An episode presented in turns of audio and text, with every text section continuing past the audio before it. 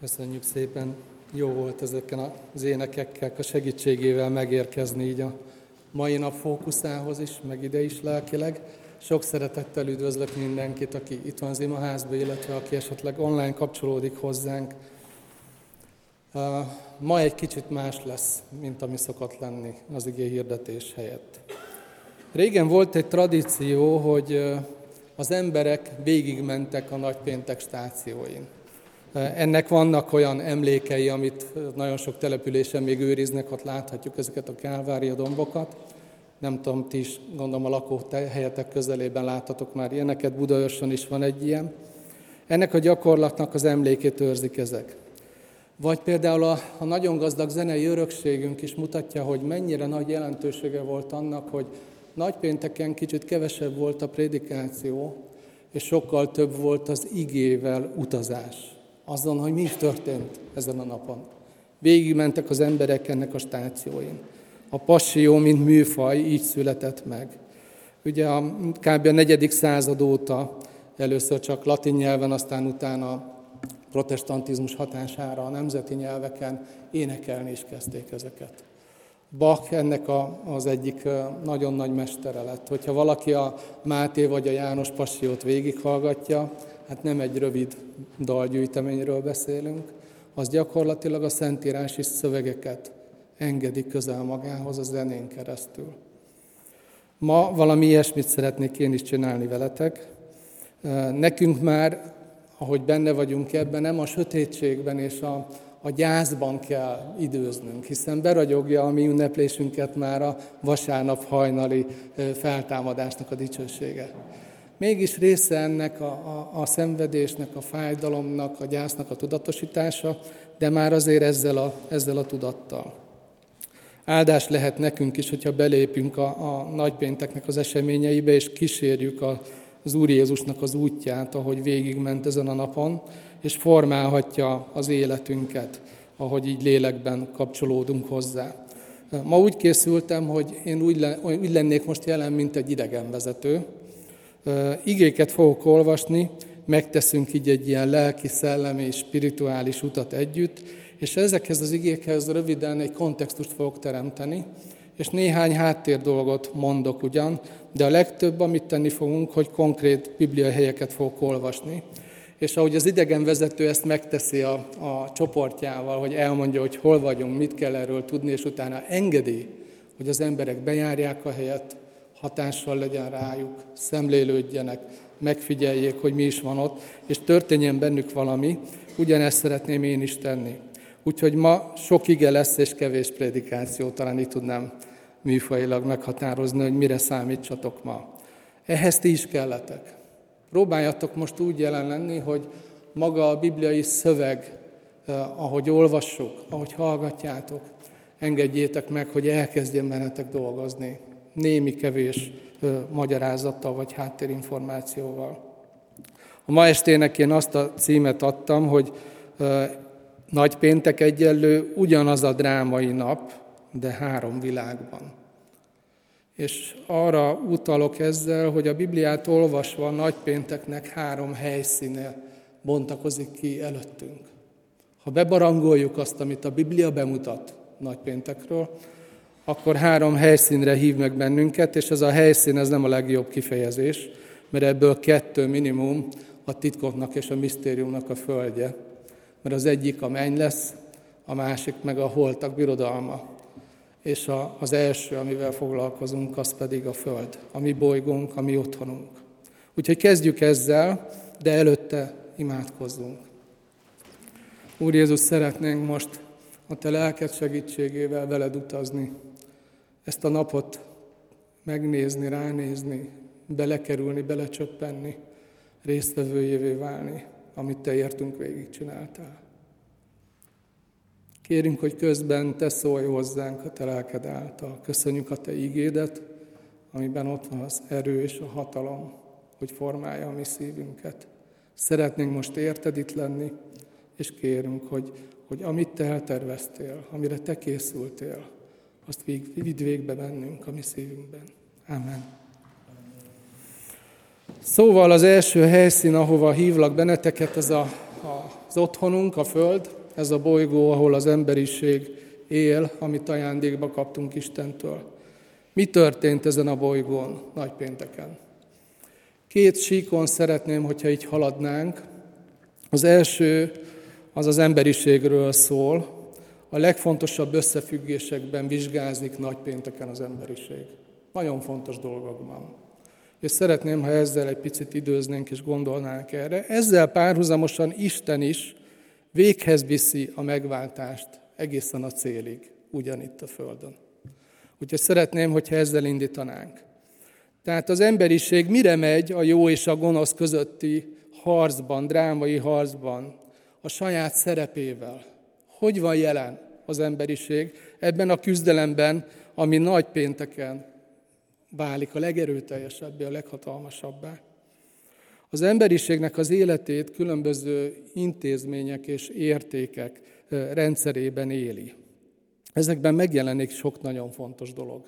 Megjelenik benne az ember, mint erkölcsi lény, megjelenik benne az ember, mint kreatív lény, hiszen Isten azzá tette őt, megjelenik, mint közösségi lény, megjelenik, mint cselekvő, aki hatással van, és megjelenik egy olyan lényként, aki erővel rendelkezik, hogy megküzdjön számára fontos értékekért.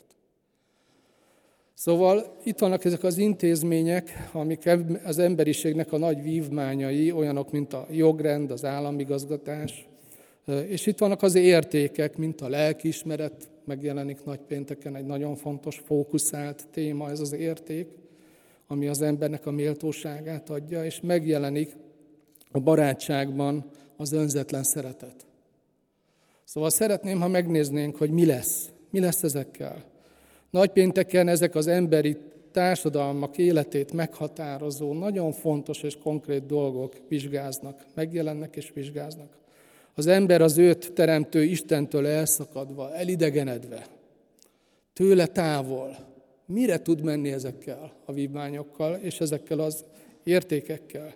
Segíti-e az embert az állat létrehozott ilyen intézményrendszer és az értékek ebben a küzdelemben?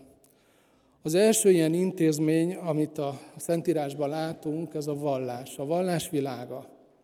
Minden társadalomban nagyon nagy jelentősége van ennek.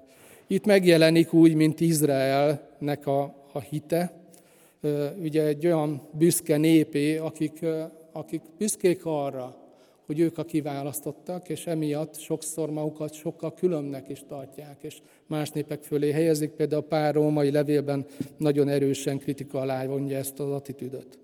Nos, hogyha ránézünk erre, a jó és a rossz harcában, mire elég a vallás az emberiség számára?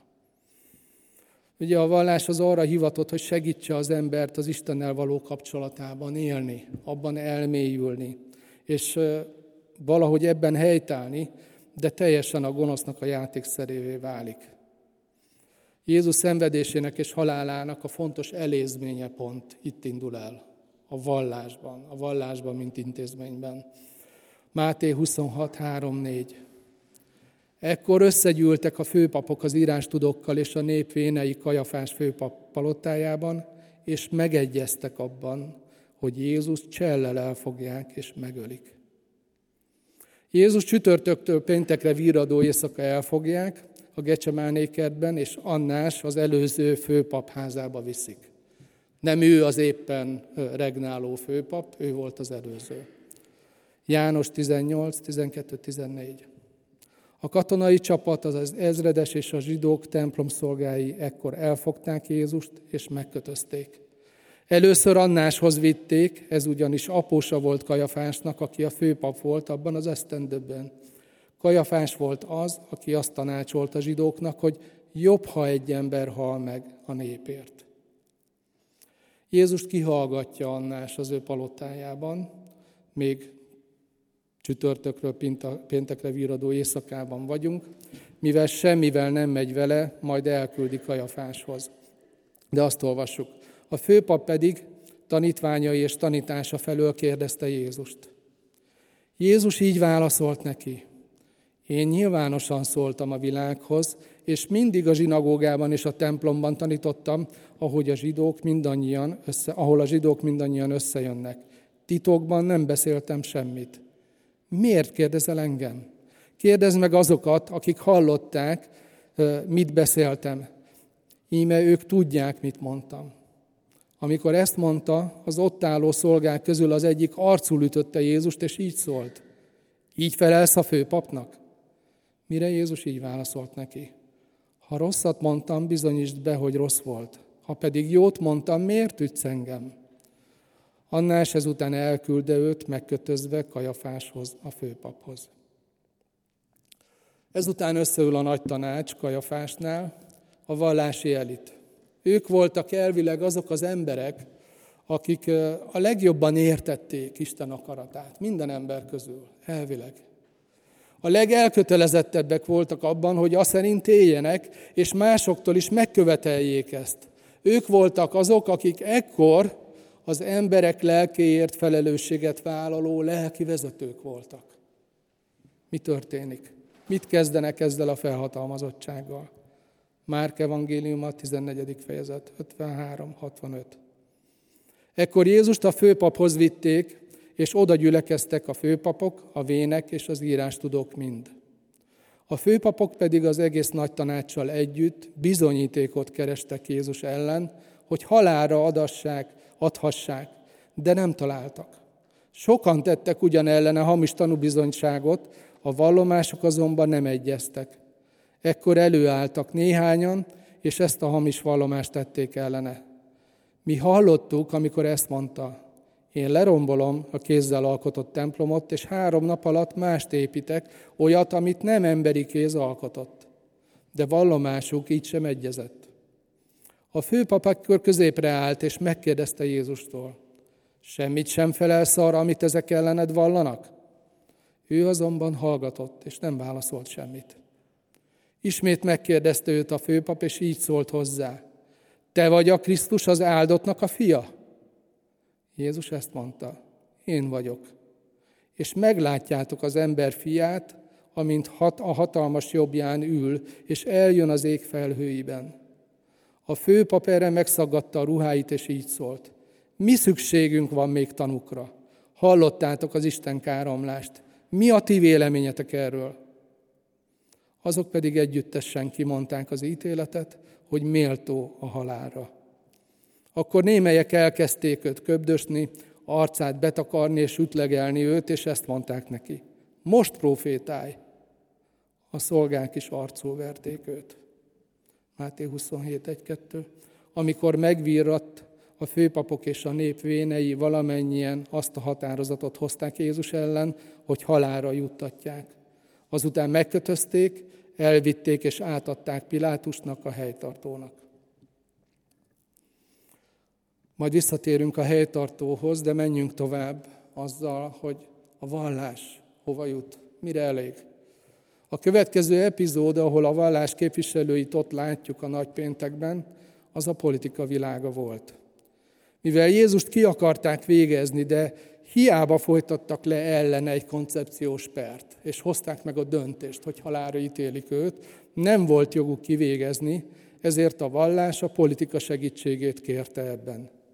Döbbenetes az, hogy közben milyen cinizmussal ügyelnek a saját vallási tisztaságukra, ceremoniális tisztaságukra, miközben az egyik legaljasabb játszmát játszák. János 18, 28, 31. Jézust Kajafástól a helytartóságra vitték. Kora reggel volt. Akkor vitték maguk, akik vitték, maguk nem mentek be a helytartóságra, hogy ne legyenek tisztátalanokká, hanem megehessék a húsvéti vacsorát. Pilátus ekkor kijött hozzájuk az épület elé, és megkérdezte, milyen vádat emeltek ez ellen az ember ellen? Ezt válaszolták. Ha ez, ember, ha ez az ember nem volna gonosztevő, nem adtuk volna át neked. Pilátus erre ezt mondta nekik. Vigyétek, vigyétek el ti, és ítéljétek el a törvényetek szerint. A zsidók így feleltek. Nekünk nincs jogunk megölni. Milyen érdekes. Milyen frajdi elszólás. Nem arról van szó, hogy nincs jogunk elítélni, nincs jogunk megölni. Az ítélet már megszületett.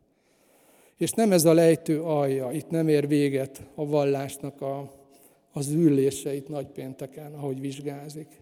Amikor a bírói szerepben lévő Pilátus a, a jogrend alapján felmentené az ártatlant, a vallás képviselői politikai zsarolással és a tömegek hergelésével nyomást gyakorolnak rá a döntéshozóra. Azt olvassuk a János 19-ben.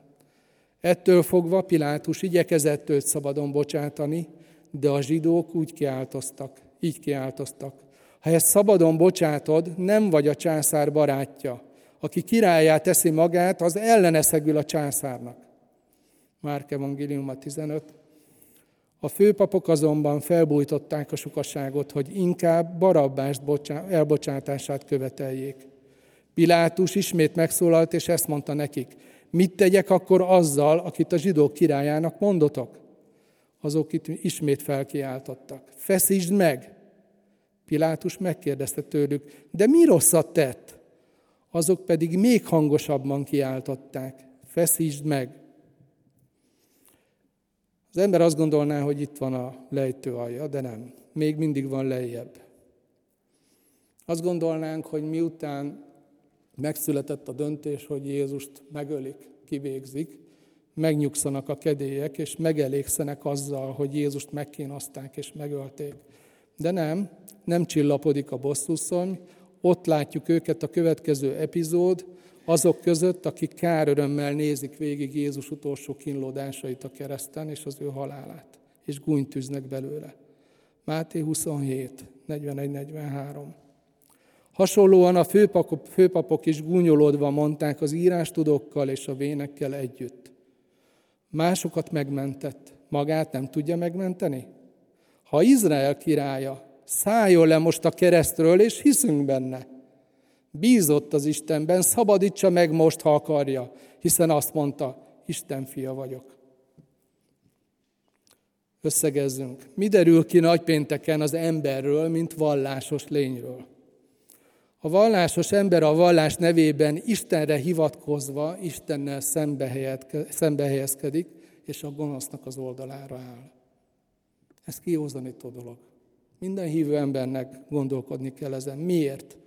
Mert a vallás nem tudta megvédeni ezeket a vezetőket a kicsinyes féltékenységüktől, a hatalmuk féltésétől, és a rövid távú politikai haszonszerzésnek a vágyától. Nem tudta megvédeni őket.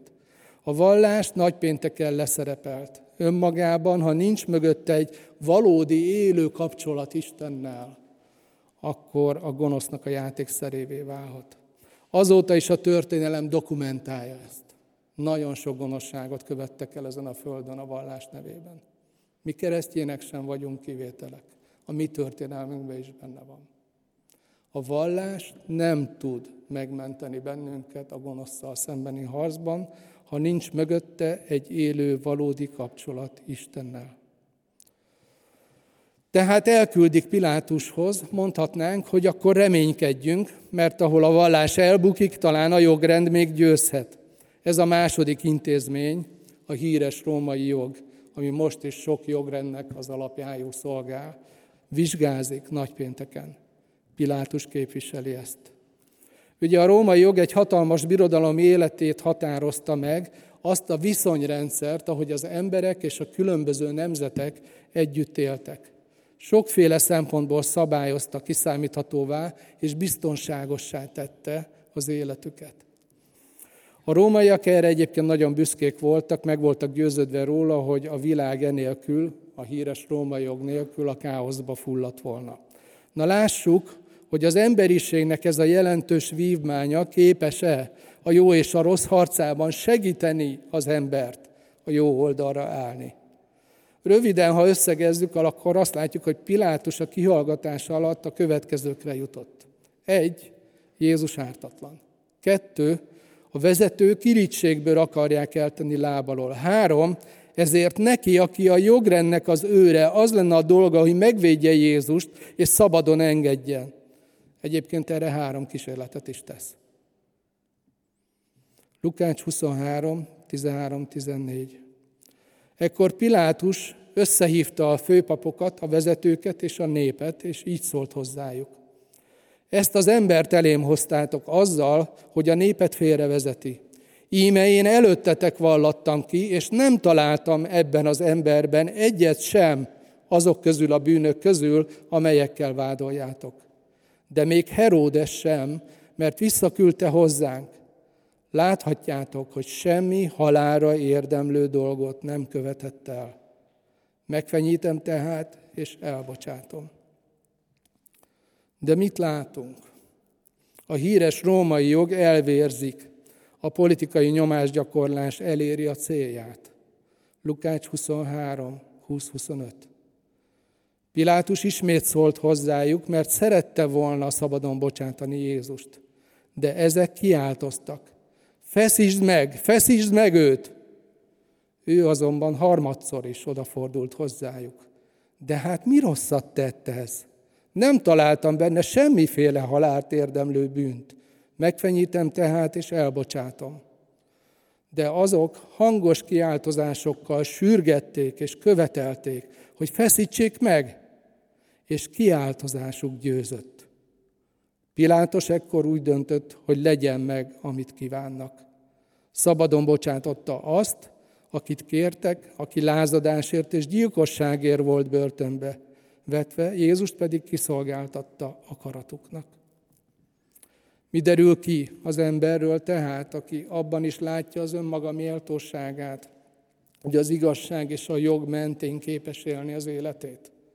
Amikor az a kérdés, hogy a jó és a rossz harcában az ember a jogrendel mire megy, akkor azt látjuk, hogy a legjobb szándék mellett is ez kevésnek bizonyul. Elvérzik az ember ezzel az eszközzel a kezében. Nagy pénteken kiderül, hogy a jogrend önmagában nem segít a gonosz elleni küzdelemben. Ha csak ennyink van, bajban vagyunk. Egy rövid epizód erejéig látjuk működni a híres államigazgatást is. Ez egy másik nagyon komoly intézmény. Társadalmak nem tudnának működni enélkül. A híres római államigazgatás. Ugye ez arra hivatott, hogy megfelelő eljárásrend az ügyek intézése során a megfelelő mederben tartsa az ügyeket, hogy a közjót szolgálják, és az igazság győzedelmeskedhessen különböző helyzetekben. Emiatt senki nem járhat el önkényesen, a megfelelő hivatali út és az eljárási rend biztosítja azt, hogy az igazság és a közjó érvényesüljön. Amikor kiderül Pilátus számára, hogy Jézus galileai, elküldi az ünnepek miatt éppen Jeruzsálemben tartózkodó Heródeshez. Azt remélte, hogy ezzel kivonhatja magát ebből a számára vállalhatatlan ügyből. Nagypénteken azonban kiderül, hogy a rendszer sem védi meg az embert a bukott természetéből adódó erkölcsi bukástól. Lukács 23, 6, 7. Pilátus ezt halva megkérdezte, hogy Galileából való ez az ember. Amikor pedig megtudta, hogy Heródes hatósága alá tartozik, átküldte Heródeshez, aki szintén Jeruzsálemben tartózkodott ezekben a napokban. Lukács 23.11. Heródes pedig katonai kíséretével együtt megvetően bánt Jézussal. Kigúnyolta, fényes ruhába öltöztette, és visszaküldte Pilátushoz. Ott van ez az emberi vívmány, hatalmas rendszerek, amik társadalmak működését lehetővé teszik. Nem látunk mást ebben a történetben, csak azt, amit mi is sokszor tapasztalunk, az aktatologatást, a felelősség áttolását. Nagy péntek drámájában vizsgázik az emberiségnek ez a vívmánya is, és elbukik. Végül ott van egy másik intézmény, a negyedik, az erőszakszervezetek. Minden társadalomban ott vannak, fontos szerepük van. A katonák szimbolizálják azt, hogy az ember képes küzdeni, harcolni, az erőt használni annak érdekében, hogy a számára fontos értékeket meg tudja védeni, és érvényre tudja juttatni. Hogyan vizsgázik az ember ebből a szempontból nagypénteken? Kétféle fegyveres testületet látunk nagypénteken, ők kapnak szerepet. Az egyik a templomőrség, a másik a római hadsereg. Az egyik fölött a főpapok és a nagy tanács rendelkezik, a másik fölött a helytartó. Ha röviden akarom összegezni, azt látjuk, hogy ők két dolgot tesznek. Az egyik ami olyan sokszor megtörténik, és most is látjuk sajnos a háborúkban, hogy bevonódnak a tömeg hisztériába, és maguk is gúnytűznek Jézusból, és bántalmazzák őt, pedig nem ez lenne a dolguk. De belesodródnak ők is. A másik, hogy gondolkodás nélkül végrehajtják az uraiknak a parancsát, legyen az a kínzás vagy a kivégzés. János 19.2.3 A katonák tövisből koronát fontak a fejére tették, és bíborruhát adtak rá. Oda járultak hozzá, és ezt mondták. Üdvözlégy zsidók királya, és arcul ütötték.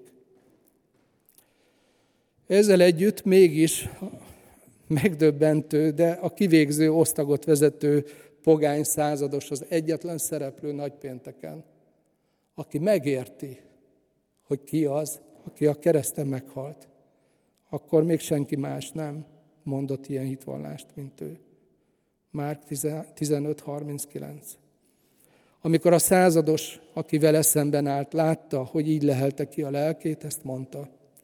Bizony ez az ember Isten fia volt. Szóval, ha összegezni akarjuk, hogy a nagypéntek mit derített ki ilyen szempontból rólunk, akkor azt látjuk, hogy az ember, mint harcos, elbukik nagypénteken. Van erőnk, képesek vagyunk harcolni, általunk fontosnak tartott ügyekért, dolgokért, értékekért. De a nagypénteki dráma kiderítette azt, hogy akinek a hivatása, hogy az erőt használja, az a gonosz hatalmával szemben gyengének bizonyul. És ezt sokszor látjuk a történelemben. Szóval nagypénteken az emberiség vizsgázik ezeken a nagy vívmányaink keresztül, ezeken az intézményeken keresztül. De nem csak ezeken keresztül, hanem olyan értékeken keresztül is, amikre úgy gondolunk, hogy az embert emberé teszi, és az méltóságát megadja. Az egyik ilyen a lelkismeret. A lelkismeret kitüntetett figyelmet kap nagypénteken. Négy olyan epizód van, ahol láthatjuk működni. Nagy, négy érdekes, nagyon érdekes momentum. Az első ilyen momentum Pilátusnak a felesége. Az ő szerepe az, hogy bemutassa valahogy azt, hogy a jó és a rossz küzdelmében való szerepvállalásban az ember honnan tudna elvileg erőt meríteni, támogatást kapni. Máté 27.19. Amikor pedig Pilátus a bírói székbe ült, felesége ezt üzente neki. Ne avatkozz ennek az embernek a dolgába, mert sokat szenvedtem ma álmomban miatta. A másik ilyen epizód Pilátusé, akinek a felesége ezt üzente. Pilátusnak is működik a lelkismerete. Látjuk ezt abból is, hogy háromszor is kísérletet tesz arra, hogy Jézust megmentse, hogy felmenthesse őt. Végül ő mégis annak a bizonyítéka nagypénteken, hogy az Istentől elidegenedett ember sokszor dönt úgy, hogy szembefordul a saját lelkismeretével is, ha úgy érzi, hogy ez az érdeke és ebből származik a haszna. De igyekszik ilyenkor is önmagát megnyugtatni. Máté 27-24. Mikor Pilátus látta, hogy nem ér el semmit, sőt, a forrongás még nagyobb lesz. Vizet hozatott, megmosta a kezét a sokaság szeme láttára, és így szólt. Ártatlan vagyok ennek az igaz embernek a vérétől, ám ti lássátok. De a lelkismeret nem segítette őt, hogy abban a szerepben, ami az övé volt, amit a római birodalom ráruházott, felhatalmazott, hogy döntsön bíróként, hogy mi igaz és mi nem. Abban az igazságot érvényesítse. A harmadik epizód, ahol látjuk a lelkiismeretet elvérezni, az Júdásnak a, a, a története. Júdást a, a gonosz, sötét misztériuma lengi körül ezekben a napokban. Ő a kárhozat fia, ahogy Jézus hívja őt. Miután a 30 ezüstér elárulta Jézust, felébredt a lelkismerete, és ezt olvassuk. Máté 27, 3-8. Amikor pedig Júdás, aki őt elárulta, látta, hogy elítélték, megbánta a tettét. Visszavitte a harminc ezüstöt a főpapoknak és a véneknek, és ezt mondta. Védkeztem, mert ártatlan vért árultam el. De azok ezt mondták. Mi közünk hozzá, te dolgod? Csak egy zárójel, milyen érdekes.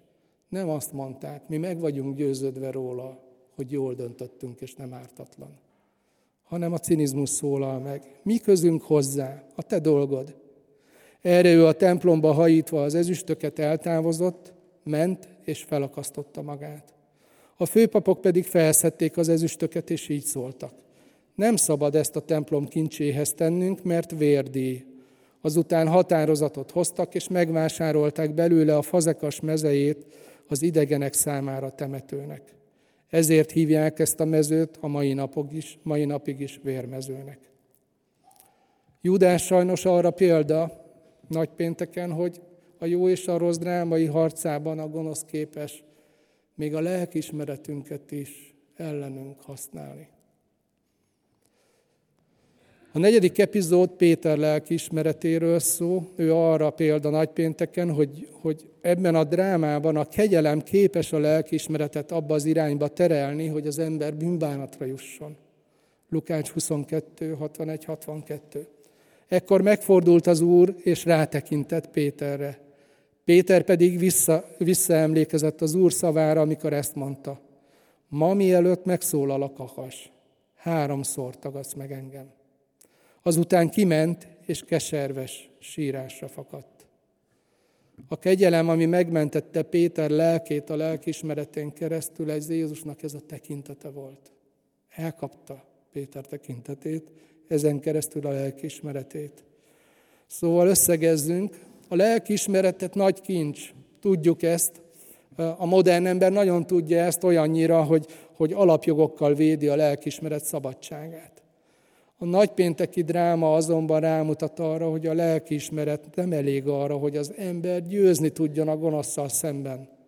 A lelkiismeret, ha engedjük a kegyelemnek, hogy hasson rá, arra elég, hogy bűnbánatot tartsunk. Ahhoz, hogy győzzünk, valami több kell. Végül az utolsó emberi érték, ami vizsgázik nagypénteken, itt a Földön az a szeretet, annak is egy speciális formája a barátság, az önzetlen szeretetnek egyik megnyilvánulása, aminek a szerves része a hűség, a bátorság, a szolidaritás. Az emberi barátság hogy vizsgázik? Jézus nagy méltóságra emelte ezt a kérdést az ő és a tanítványok kapcsolatában. Nem véletlen fontos szereplője a nagypénteknek. János 15, 14, 15. Ti barátaim vagytok, ha azt teszitek, amit én parancsolok nektek. Többé nem mondalak titeket szolgáknak, mert a szolga nem tudja, hogy mit tesz az ura. Titeket azonban barátaimnak mondalak, mert mindazt, amit hallottam az én atyántól, tudtul adtam nektek. De mire elég ez a barátságban megnyilvánuló szeretet? Vajon képes lesz-e hűséges lenni, elég bátor lesz-e szolidaritást vállalni? Máté 26.35. A szándék megvolt. Péter így válaszolt. Ha meg is kell halnom veled, akkor sem tagadlak meg téged. Ugyanígy beszélt a többi tanítvány is. Máté 26.56 és a 73.75. Akkor a tanítványok mind elhagyták őt, és elfutottak. Kis idő múlva az ott áldogálók mentek oda, és így szóltak Péterhez. Bizony, közülük való vagy te is, hiszen a kiejtésed is elár, elárul téged. Akkor átkozódni és esküdözni kezdett. Nem ismerem azt az embert, és nyomban megszólalt a kakas. Péter visszaemlékezett Jézus szavára, aki ezt mondta neki. Mielőtt megszólal a kakas, háromszor tagadsz meg engem. Azután kiment onnan, és keserves sírásra fakadt. Szóval a nagypénteki dráma rámutat arra, hogy az ember természetes szeretete, akkor is, hogyha valóságos, akkor is, ha komolyan gondolja, nem lesz elég a gonoszszal szembeni harcban.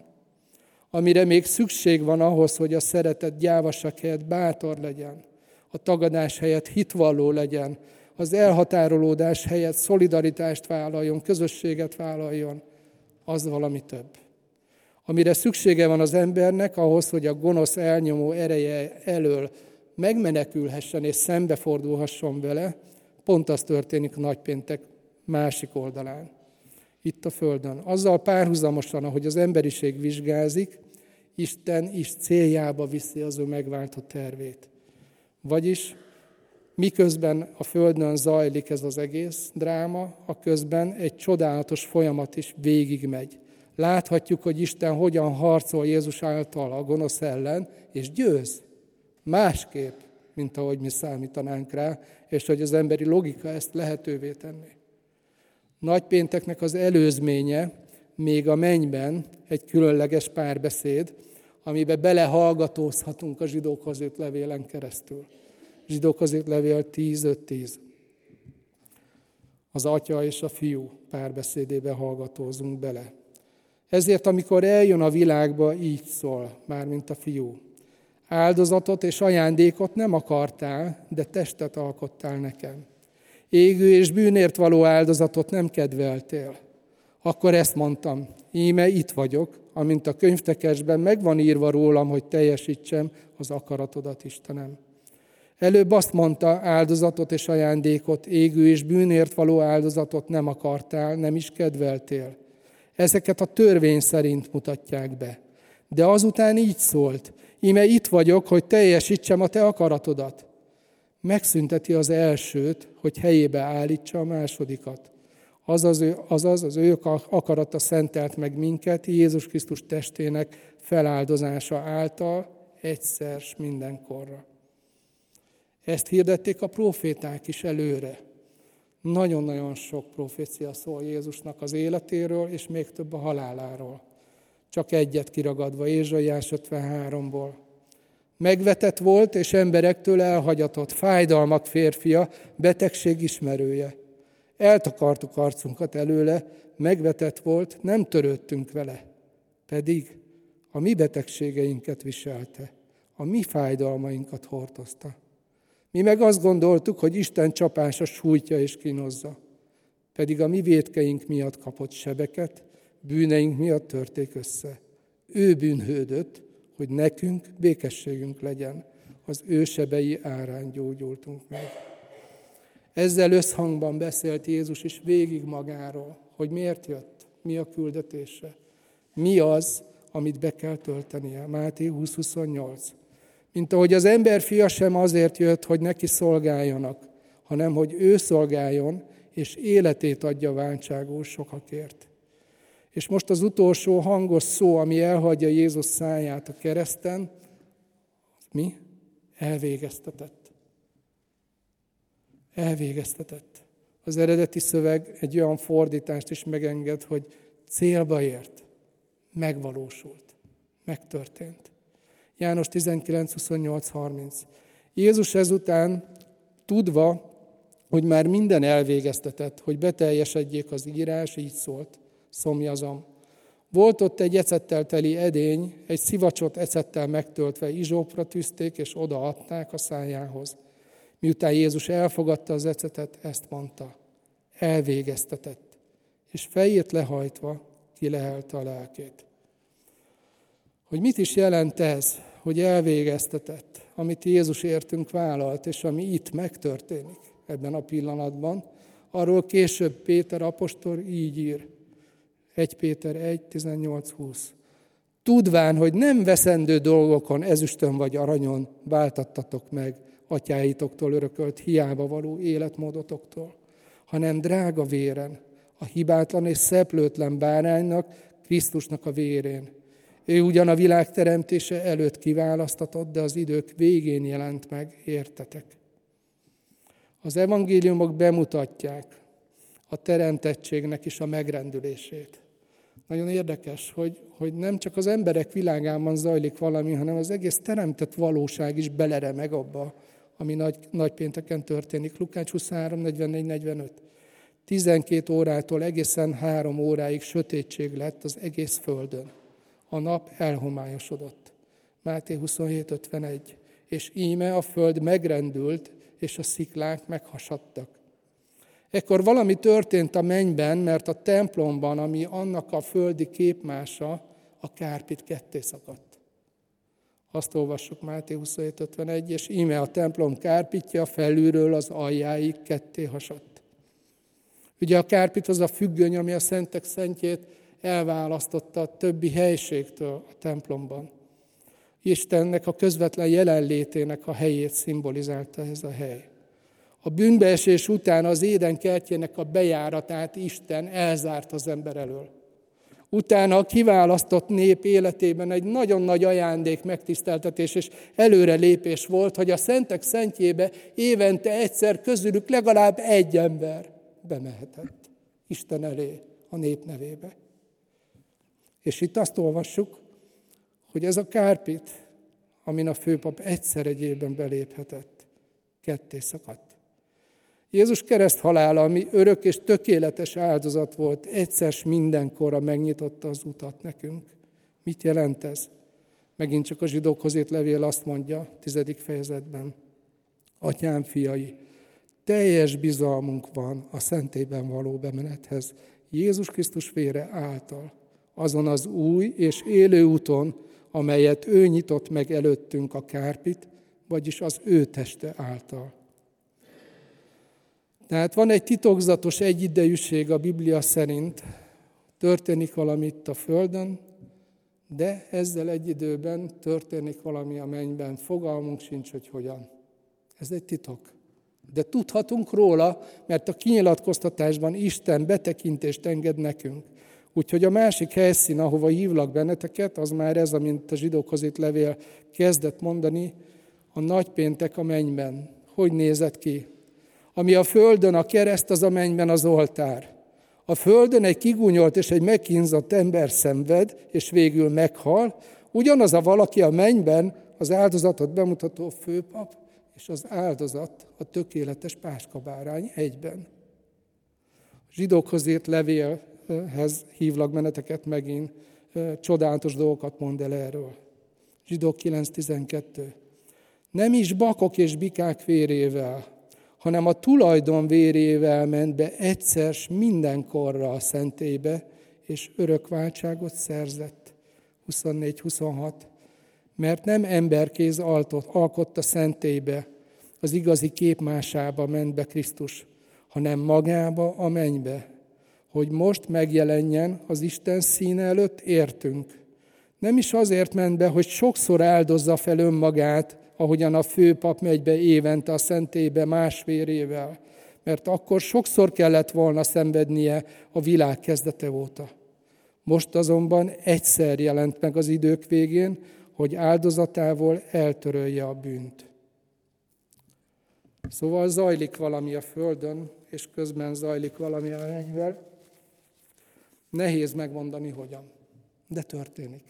És ez egy jó hír. És ez is nagypéntekhez tartozik. De van egy másik helyszín is, ami a nagypénteken előjön a Bibliában. A földön és a menjen kívül Jézus a halálon keresztül még egy másik birodalomban is megfordult. Az egyetemes apostoli hitvallás így foglalja össze a kereszténységnek a hitét ezzel kapcsolatban. Jézusról, ahogy beszél, hogy szenvedett Poncius Pilátus alatt, megfeszítették, meghalt és eltemették alászállt a poklokra, harmadnapon feltámadt a halottak közül. Tehát nézzünk rá egy kicsit erre, hogy mit tudhatunk erről. Nagypéntek és a túlvilág.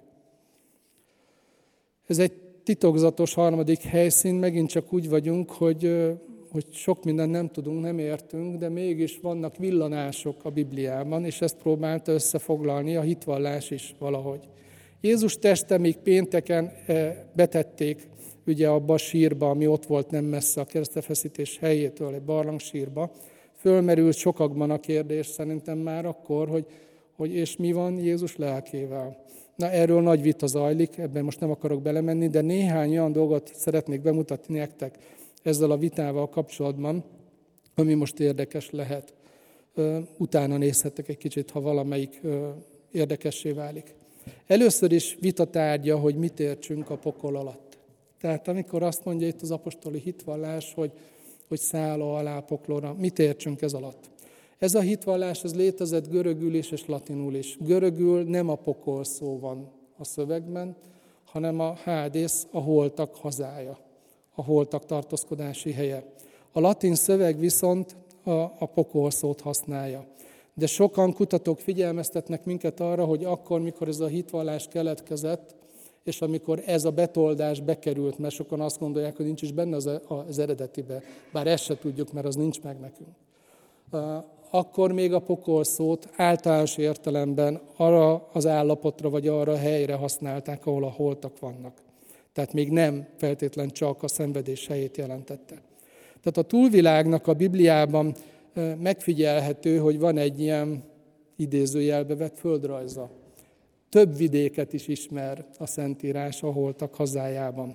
Egyrészt ugye a Seol, a Hádész, ez a, az, ahol a, a, a halál birodalma, ahol a holtak vannak. De azon belül ismerjük az Ábrahám kebelét, Jézus beszél egy példázatban erről, és beszél Jézus a paradicsomról is, ugye az egyik latorra pont, amelyik jobb kezdve felül van, hogy ma velem leszel a paradicsomban. Ez is a holtak hazájának egy helye, ebben a földrajzban egy terület, valami, egy állapot.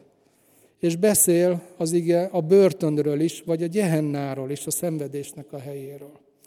Ebből főleg a katolikus teológia egy nagyon kifejlett túlvilági földrajzot hozott létre. A Dante isteni színjáték ezt részben leköveti, attól némileg eltér, de egyáltalán nem úgy gondoltak rá, hogy a modern ember ma erre gondol.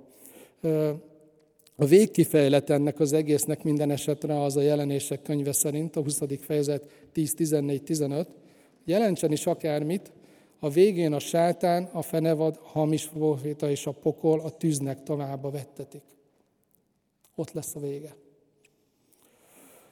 Vita van arról is, hogy ez a pokorra szállás, ez Jézusnak a megaláztatásának az utolsó stációja, vagy éppen ellenkezőleg a megdicsőülésének az első állomása. Akik úgy gondolják, hogy ez a megaláztatásának az utolsó fázis. Ugye Filippi levélnek a Krisztus himnusz egy ilyen útvonalat ír le, hogy Jézus emberré lett, megüresítette magát, megalázta magát, engedelmes volt egészen a kereszt halálig, és ezért az Atya fölmagasztalta őt, megdicsőítette, és egy olyan nevet adott neki, amire minden térnek meg kell hajolnia. Szóval vita van arról, hogy akkor ez most a megaláztatás utolsó fázisa, vagy a megdicsülés első fázisa. Akik azt gondolják, hogy ez a megaláztatás utolsó stációja, azt mondják, hogy Jézus elszenvedte értünk, még a pokol kinyait is, amit nekünk kellett volna. A, a másik vélemény azt mondja, hogy Jézus már az alvilágba a megdicsülés első stációjaként ment be, és a győzelmét hirdette ki. Én nem tudom eldönteni, nem voltam ott. Nekem mind a kettő tetszik egyébként, hogyha ott fejezte be, és egyben ott kezdte el. De valami történt. Végül komoly vita van arról is, hogy csak átvitt értelemben kell ezt az egészet érteni, vagy egy komolyabb misztériumról van itt szó. Vannak főleg protestáns teológusok, akik félnek attól, hogyha ebbe belemonyolódunk, akkor a végén ott fogunk kikötni a purgatóriumnál, amiben mi ugye nem hiszünk, ők meg igen. És ezért azt mondják, hogy inkább tekintsünk úgy erre az egészre, mint egy ilyen átvitt értelmű, képletes kifejezésre. Jelképes értelemben ez nem jelent más, mint hogy Jézus pokoli kínokat állt ki. És vannak, akik azt mondják, hogy az egyetemes apostoli hitvallásnak a szerves része ez, és összefoglalja a keresztjének hitét, és itt többről kell, hogy szó legyen. Bár ez egy misztérium, egy titokkal van dolgunk, mégis a Jézusba vetett hitünknek a szerves része. Na, mit mond erről a Biblia? Péter, 1 Péter 3, 18, 20 és a 4, 6. Mert Krisztus is szenvedett egyszer a bűnökért, az igaza nem igazakért, hogy Istenhez vezessen minket, miután halára adatott test szerint, de megelevenítetett lélek szerint. Így ment el a börtönben lévő lelkekhez is, és prédikált azoknak, akik egykor engedetlenek voltak, amikor Isten türelemmel várakozott, Noé napjaiban, a bárka készítésekor. 4.6. Mert a halottaknak is azért hirdettetett az evangélium, hogy testben, emberi mérték szerint ítéltessenek meg, de éljenek Isten szerint lélekben. Jézusnak a hádészba való alászállása már ilyen értelemben a diada és a megdicsőülésnek az első fázisa talán, győztesként lépett oda be.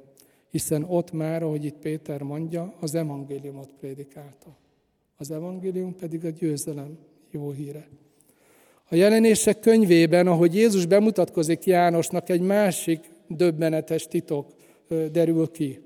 Azt mondja az első fejezet 17-18. versében.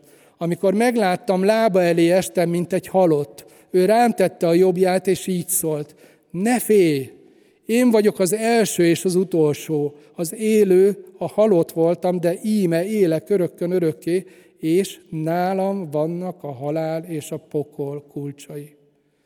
Mikor kerültek Jézushoz ezek a kulcsok?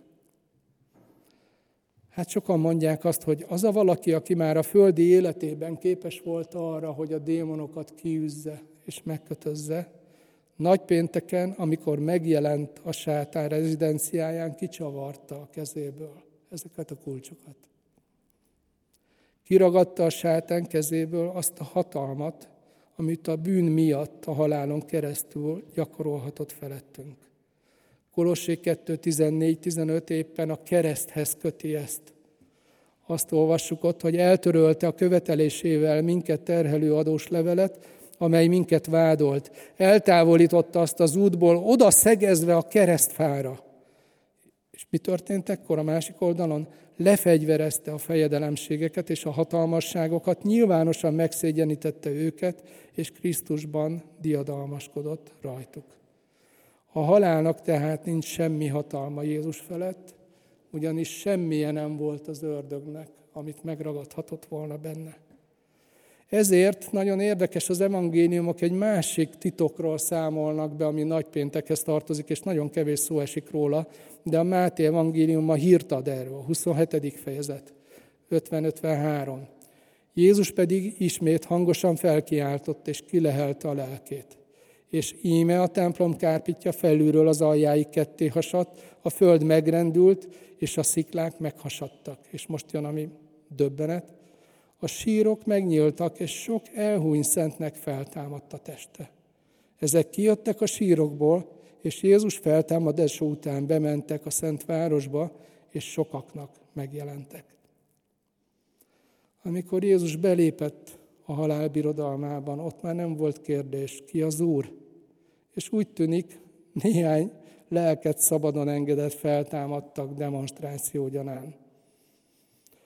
Ezek alapján a keresztény tanításnak szerves részévé vált az, hogy a nagypénteken, amikor Jézus meghalt a kereszten, akkor a Földön ez látszik, hogy valaki eltávozott az élők sorából.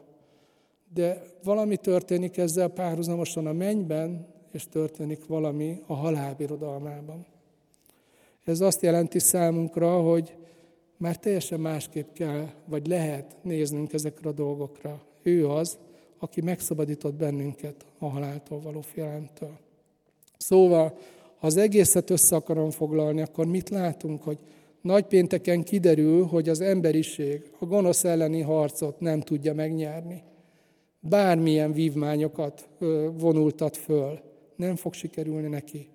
A legfontosabb értékei, amit a magáénak val, szentnek és szépnek gondol, azt sem fogja segíteni, Isten nélkül az ember a gonoszszal szemben elbukik.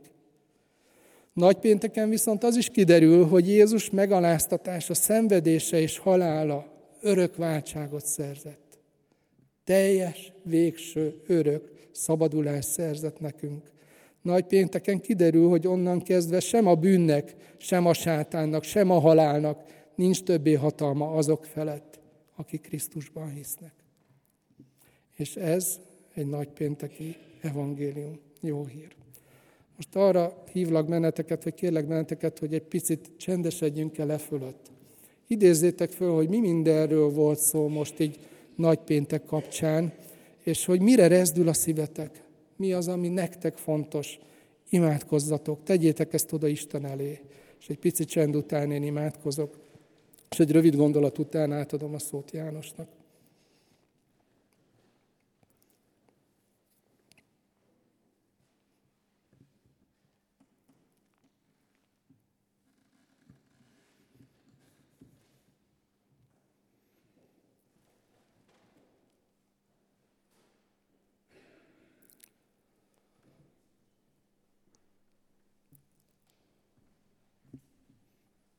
Úr Jézus, nem igazán vannak szavaink. De azt tudjuk mondani, hogy köszönjük. És segíts nekünk átgondolni, hogy, hogy ami nagypénteken történt, ott a győzelemnek mihez van köze. Segíts, hogy nem magunkban bízzunk. Lássuk meg azt, hogy Te vagy az, aki teljesen elég vagy mindenre. Úr Jézus, Te tudod, hogy van-e itt valaki úgy, hogy még nem döntött arról, hogy mit kezdjen veled, hogy hogy gondoljon rád, hogy higgyen benned, kövessen téged, rábízza magát, vagy ne. Kérlek, segítsd őt a te lelkeddel és a te igéddel, hogy a legfontosabb döntést tudja meghozni, mert önmaga kevés lesz. Köszönjük, Úr Jézus, hogy kiittad azt a poharat, amit legszívesebben félretettél volna, a szenvedés poharát, és vállaltad értünk a halált. És jó tudnunk nekünk már, hogy erre az egészre úgy nézhetünk rá, hogy tudjuk, hogy vasárnap reggel a sír üres volt. Te föltámadtál, és ma is élsz. Segíts nekünk, hogy a hitünk az a te követésedről szóljon, hogy ne üresedjen ki puszta vallásossággá, hanem szóljon arról, hogy kapcsolatban és közösségben vagyunk veled. Amen. És csak egy pillanat erejéig szeretnélek benneteket a húsvét vasárnap felé fordítani, hiszen itt lesz nem sokára. 1 Korintus 15, 20, 22 és az 55, 57. Ám de Krisztus feltámadta a halottak közült, mint az elhunytak zseng, első zsengéje. Mert az ember által van a halál, ember által van a halottak feltámadása is. Mert ahogyan Ádámban minnyájan meghalnak, úgy a Krisztusban is minnyájan életre kelnek. Halál, hol a te diadalod? Halál, hol a te fullánkod? A halál fullánkja a bűn, a bűn ereje pedig a törvény. De hála az Istennek, aki diadalt ad nekünk, ami Urunk Jézus Krisztus által. Amen.